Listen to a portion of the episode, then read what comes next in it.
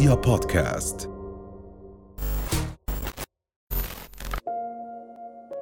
ليس ما لا تعرفه هو ما يوقعك في المشكلات بل ما تعرفه حق المعرفة ويتضح أنه غير صحيح. مارك توين. ماذا يعني أن تكون إنسان في مجتمع يعيش كل أنواع الاضطرابات؟ تحاول أن يكون هناك معنى لثقافتك وتراثك وعاداتك ومضمون أفكارك.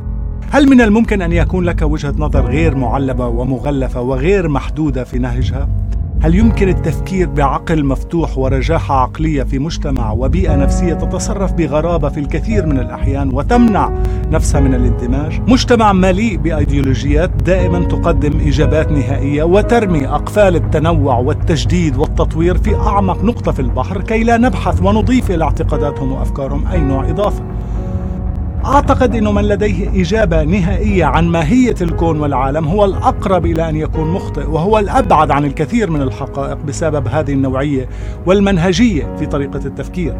لهيك أعتقد أن التفكير الأيديولوجي لم يعد مؤهل لإعطاء أي نوع من الإجابة اليوم لأنهم أوهمونا بأن العثور على أجوبة مطلقة ونهائية هو شيء ممكن وهذا عجيب. كيف ممكن أن يكون هذا صحيح؟ واليوم إحنا بنعيش بعصر الأسئلة عصر البحث عن أسئلة جديدة مش أجوبة جاهزة للاستهلاك. لماذا علينا أن نحبس أنفسنا ونعيش في عزلة داخل هذه الأيديولوجيات ونضع أمامنا حواجز تمنعنا عن التنوير وعن إنسانيتنا؟ الأيديولوجيات نشأت لمصالح الأيديولوجيات مش لصالحك ومصالحك أنت. هي مش صديقة للإنسان. كيف ممكن تكون صديقة إلنا وبترسل شاب عمره 16 أو 17 أو 18 سنة يروح ينهي حياته وحياة إنسان آخر؟ كيف يمكن أن يكون هذا الشيء لصالحك؟ أو هذه النوعية من التفكير عم تعمل لأجلك. أي أيديولوجيا إذا لم تخدم الحداثة والتجديد والتنوع ولم ينتج عنها حب واتحاد وتوافق من بحاجة إلها؟ ولا داعي لمحاربتها لأنك كمان أنت بتصير تفكر بنوع من الأيديولوجية إذا حاربت أي شيء. كل اللي علينا نعمله هو إهمالها. هناك سلاح أقوى لمحاربتها أو مواجهتها والأيديولوجيات كلها تعرف خطر هذا السلاح وهو التفكير النقدي. نطور مهارة وفن التفكير النقدي لتقويم الافتراضات والاعتقادات والتصورات والتعصب والتحيز لهذه الجماعة أو تلك.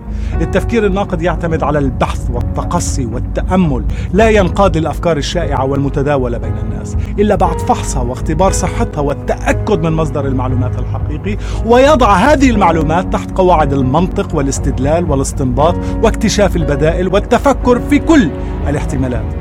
وهذا يجب أن يبدأ في المدرسة مع الطلاب من الصغر وتطوير مهارة التفكير النقدي عندهم بأن يكون عندهم القدرة على تكوين آرائهم بأنفسهم، القدرة على إيجاد حلول نزيهة لمشكلة ما بأنفسهم، نخليهم يقدروا يقيموا قوة ووزن الحجج والأدلة اللي أمامهم، القدرة على تحديد الافتراضات واستجوابها.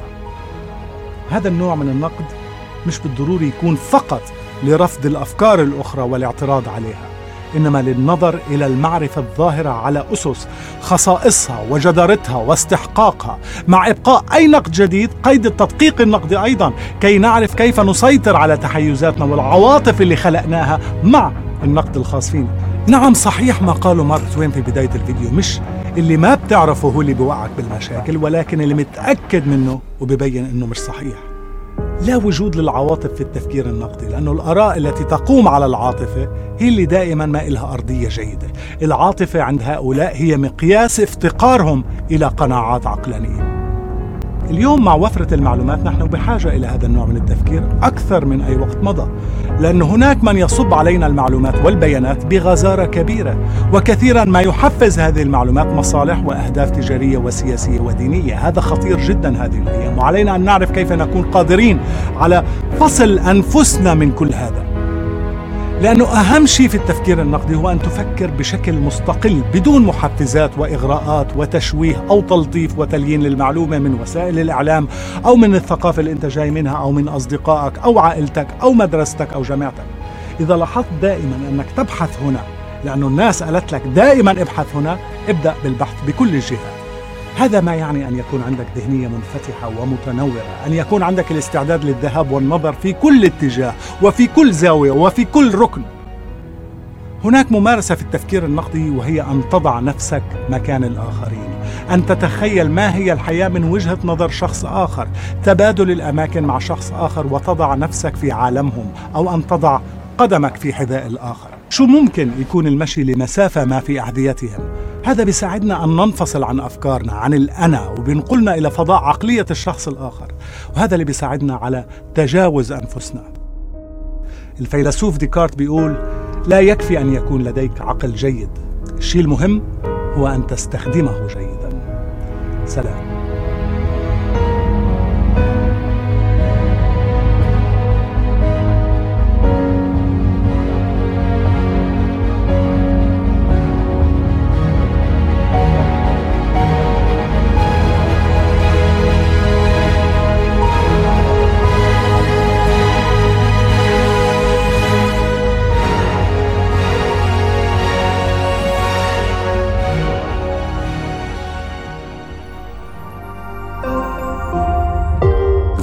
Podcast.